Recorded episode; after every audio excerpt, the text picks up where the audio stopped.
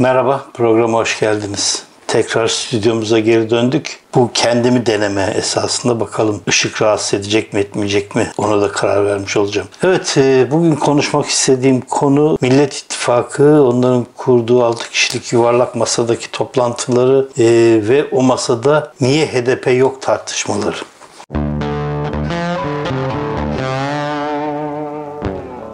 Niye HDP yok tartışmalarına sondan girerek başlayacağım. HDP'nin o masada ne işi var?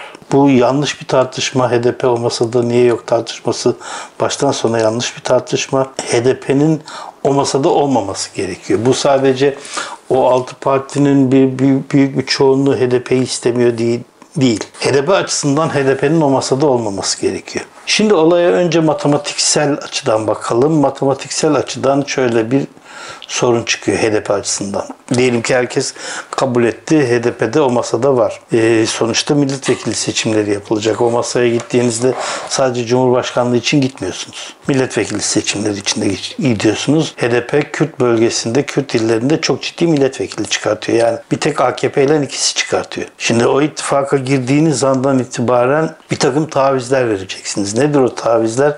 O tavizlerin en önemlisi baraj altında kalacak olan 7 parti olarak baktığımızda 4 partinin milletvekili çıkartacak şekilde ayarlanması. Bunun hepsi batıdan olmayacağına göre, böyle bir e, istek olmayacağına göre yani bunun da pek doğru olmayacağına göre eğer 7 birlikteyseniz bu e, Kürt illerinden de bir takım partilere milletvekilleri için e, listeye seçilecek noktaya konulacaklar. Bu şu demektir. Bu bütün HDP'nin e, Kürt bölgesindeki milletvekillerini ciddi bir şekilde düşürmek demektir. Bu en az 10 milletvekiline tabi yani karşılığı en az 10 milletvekildir. Şimdi böyle bir şeyi parti olarak kabul edip de bunu tabana anlatmanız gerçekten çok zor. Sadece Kürt bölgesinde değil. 7 Haziran seçimlerini e, düşündüğümüzde HDP İstanbul'da 11 milletvekili çıkarttı. Bu şaka bir e, rakam değil 11 milletvekili. 3-3-5 çıkarttı. Birinci bölge 3, ikinci bölge 3, üçüncü bölge 5 milletvekili çıkarttı. Şimdi e, daha sonraki seçimlerde 3-3-2'ye düştü bu. Ama böyle bir ittifaka girdiğinizde bu 5'e düşecektir. Oradan da taviz vereceksiniz. Hatta 4'e de düşebilir. Yani HDP 15 milletvekili taviz verecek ki bu söylediğim rakam e, %13 ile. HDP'nin bir dahaki seçimlerdeki oy oranı %13'ten 18 arası olacaktır. Şimdi böyle bir tavizi vermek ve bunu tabana anlatabilmek, tabanı ikna edebilmek hiç de kolay bir şey değil. O yüzden HDP'nin o matematiksel olarak o masada olmaması gerekiyor. Aynı tavizi CHP ve İyi Parti vermeyecek mi? Mutlaka verecek ama e, İyi Parti birbirine yakın, kendisine yakın partilere bu tavizi verecek ve İyi Parti esasında birden fazla milletvekili çıkarttığı e, şehir çok fazla olmadığı için e, bu İyi Parti'yi sayı olarak çok fazla etkilemeyecektir. Yani o toplam e, baraj sayısını geçtikleri şekilde gerek e, Davutoğlu'nun partisi gerek e, Babacan'ın partisi gerek Saadet Partisi daha çok AKP'den oran fazlalığıyla AKP'den milletvekili çalacaklar. MHP'den milletvekili çalacaklar. Yani çalacaklar dediğim onlar kaybedecek, e, bu tarafa geçecek. Ama Kürt bölgesinde gittiğinizde e, AKP'nin oyu HDP'nin çok altında olduğu için %60, %70, %30 karşılığında olduğu için o milletvekili AKP'den çok e, HDP'den geçecek. Bunda CHP fire verecek mi? CHP zaten bu ittifakın liderliğini yaparak bu, bu işi organize eden e, parti olduğu için evet olacaktır ama bunda çok fazla kaybı olmayacak. Neden çok fazla oy kaybı olmayacak? Çünkü başta İstanbul olmak üzere HDP, e, CHP'nin de oyları ciddi bir şekilde yükselmiş. Yani ciddi bir şekilde yükselmiş e, dediğim e, %10-15, %20 yükselmiş değil. Ama İstanbul'da atıyorum %3'lük bir yükseliş birçok milletvekilinin yerini değiştirebiliyor. Yani bunu biz nereden biliyoruz? Ee, HDP'nin 7 Haziran seçimlerinde kıl payı kaçırdığı, 1 Kasım'da da kıl payı kaçırdığı milletvekillikleri var. O yüzden e, bu, burada önemli bu, bu tavizi HDP vermez kimse de beklemesin. İkinci önemli şey e, partilerin kuruluş amaçları. HDP'nin kuruluş amacıyla e, diğer altı partinin kuruluş amacı arasında bir uçurum denilecek kadar bir fark var. Nedir o? HDP'yi herkes e, Kürt partisi olarak görse de HDP öncelikle bir Kürt partisi değil, birincil sorun olarak Kürt meselesini alması onu Kürt Partisi yapmıyor. HDP aynı zamanda sosyalist bir parti. Şimdi karşısında kapitalizmi ve global sistemi savunan 6 tane parti var. Diyelim ki seçimlerde bu e, milletvekili kaybını e, demokrasi adına e, göze aldı HDP ve beraber iktidar oldular. Bakanlık da aldı.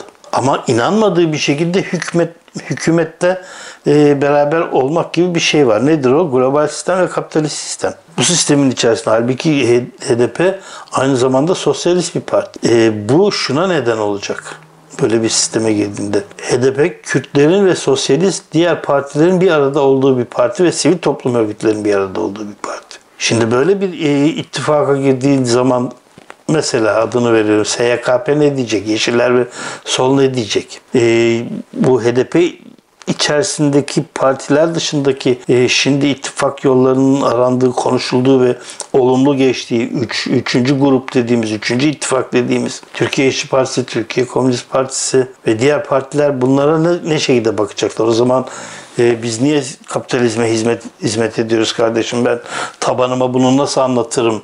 Diyecekler ve büyük bir olasılıkla çekilecekler ve bunda da haklılık payları olacak. O yüzden bu sistem içerisinde HDP'nin ideolojisiyle diğer altı partinin ideolojisi hiçbirbirine uymadığı için bu ittifakta yer almasının hiçbir anlamı yok. Şimdi gelelim başka bir soruna. Ee, demokrasi için bir araya geldiği söylenen bu altı partili ittifak ne kadar demokrat? Bu çok önemli bir konu. Şimdi bu partinin bir Meral Akşener'i ben tabana nasıl anlatırım? Diyelim ki partiye böyle bir karar aldılar ve bunu açıkladılar. Mithat Sancar e, bunu nasıl anlatacak tabana? 90'ların İçişleri Bakanı Meral Akşener'le beraber işbirliği yapıyoruz. Kimdir Meral Akşener? O dönemde e, faili meçhullerin döneminde İçişleri Bakanı yapmış. E, kimse şunu söylemesin canım 6 aylık e, esas Mehmet Ağar'dı da Meral Akşener sadece 6 ayda. 6 ayda neler olduğuna bakacağım ben. Ve Meral Akşener o 6 aylık İçişleri Bakanlığı dönemi için öz eleştiri verdi mi vermedi mi ona bakacağım ben.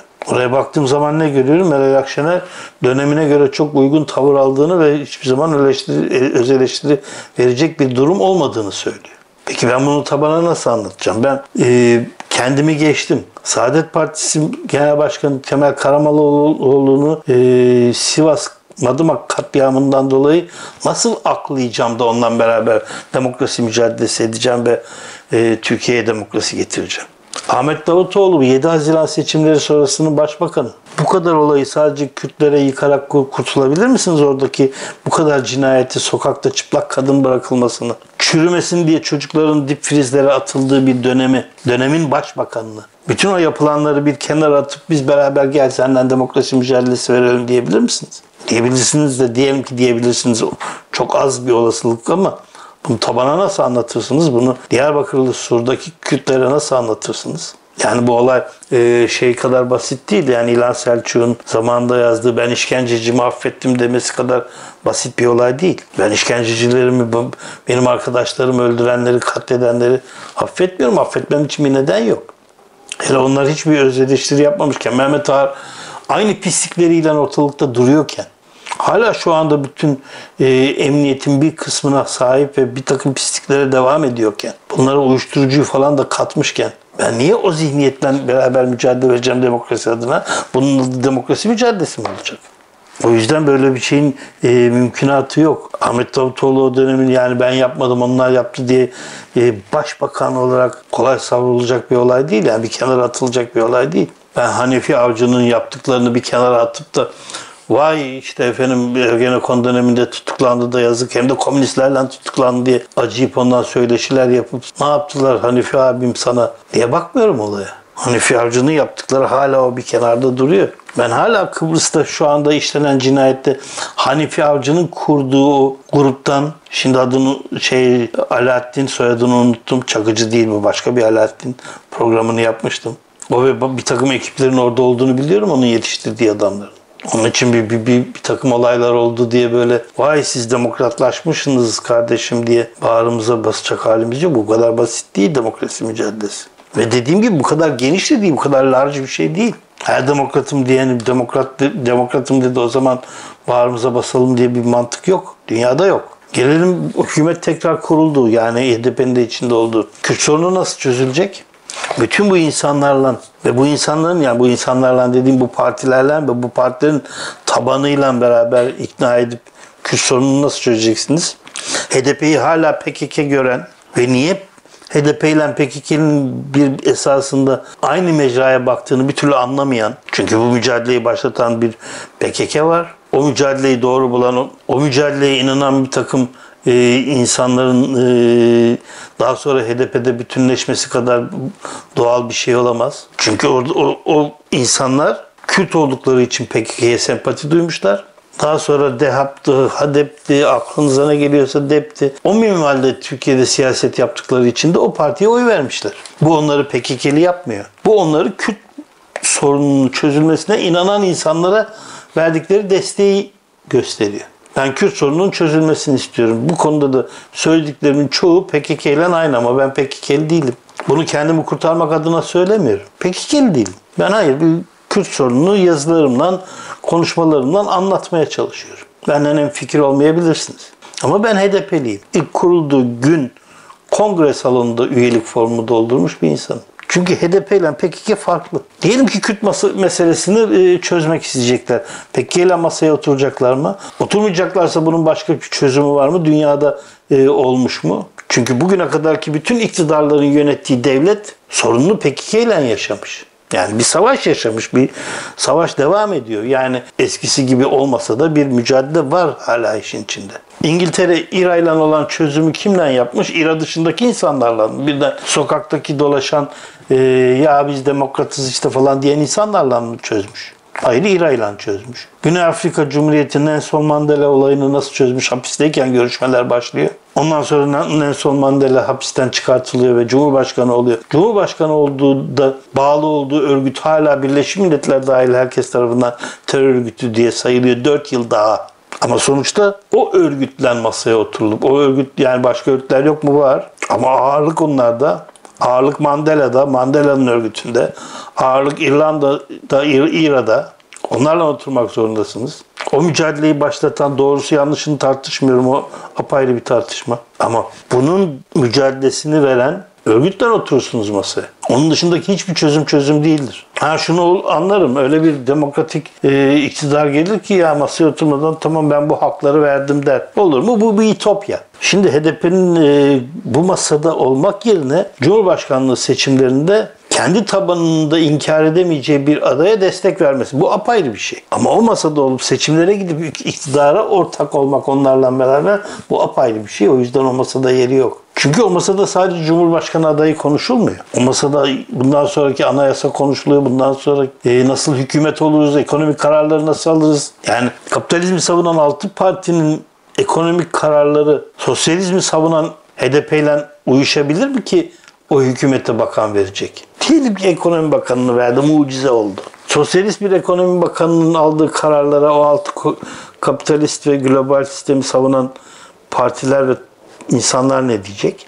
Onun için demokrasi dediğiniz yani sizin ya da bu söylediğiniz demokrasi zannettiğiniz olay demokrasi değil. Demokrasi böyle bir şey değil. Demokrasi Kenan Evren'in 12 Eylül'ünde işte bir ülkücüyle bir e, devrimciyi aynı hücreye koyup bakalım birleşsinler. Böyle bir şey yok. Yani Japon yapıştırıcıyla yapıştırsanız ikisi de aynı, ayrı şeyleri söylemeye devam edecekler. Ha ne olur Muhsin Yazıcıoğlu'nda olan olay. Aynı hücredeki insanlar ikisi de birbirinden ürkerler. Ne yapacak, öldürecek mi gözüyle bakarlar. Bir müddet sonra sohbet başlar falan filan. Sonra ikisinin de birbirini öldürmeyeceği ortaya çıkar. Yani aynı hücrede o kadar uzun kalınca sohbet başlar. Ama dünya görüşü ikisinde değişmez bu sohbet sonucunda. Çünkü birbirine yakın görüşler biraz değişebilir, birbirlerini ikna edebilirler bir ırkçıyla, bir faşistle, bir devrimci birbirini ikna edemez. Bu kolay bir şey değil. Yani sempatizan anlamında söylemiyorum. Ama kemikleşmiş iki lider sanıyorum Yazıcıoğlu'nun beraber yattığı Mithat arkadaşımızdı. Ve sonra kanser olduğunda e, Yazıcıoğlu hastanenin arka kapısından girip ziyaret eder. Ama bu ziyaret ikisinin görüşlerinin değiştiğini işte ne bileyim ben Yazıcıoğlu'nun birdenbire e, dev yolcu falan olduğu anlamına gelmez. Bunlar birlikte aa bak demek konuşabiliyormuşuz hadi beraber mücadele edelim diye bir şey yok. Böyle bir şey dünyada yok. Diyalektiğe aykırı. İnsan doğasına da aykırı. Yani ben sosyalist görüşlü bir insan olarak AKP'nin çıkartacağı bir gazetede demokrasi mücadelesi veremem? Niye vereyim yani? Niye? O tavizi niye vereyim demokrasi adına? Demokrasi adına diyorum onlar öyle söylediği için. Çünkü bu demokrasi değil. Demokrasi böyle bir şey değil.